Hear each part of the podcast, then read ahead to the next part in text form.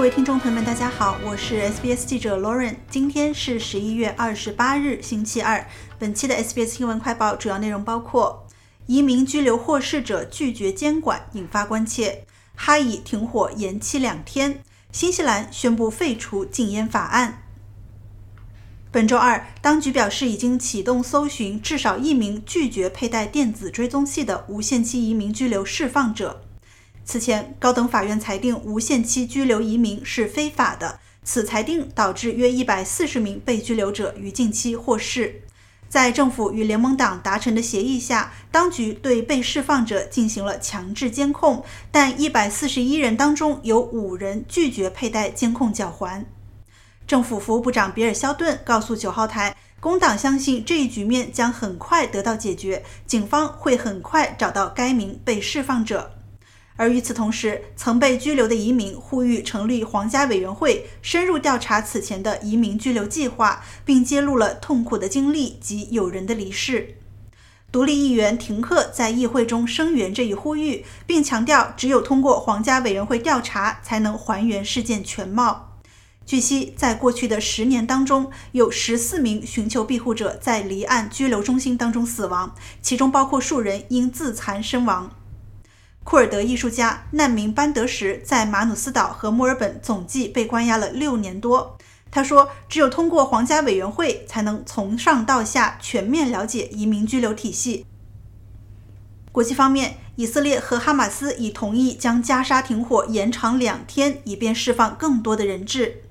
这场持续七周的军事冲突已经造成了数千人丧生，令巴勒斯坦遭受了严重的破坏。哈马斯与卡塔尔和埃及谈判之后，已经同意延长休战时间。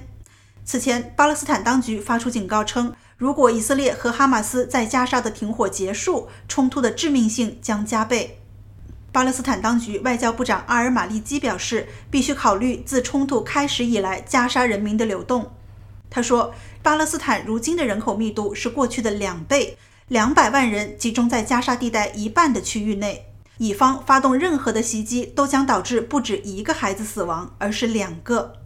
联合国秘书长古特雷斯对卡塔尔与埃及促成哈以对话、协商停火延期表示赞赏，但表示延长停火期并不足以满足人道主义援助需求。在过去的四天停火期间，联合国增加了对加沙的人道主义援助，并向在过去几周几乎与外界隔绝的加沙北部部分地区提供了援助。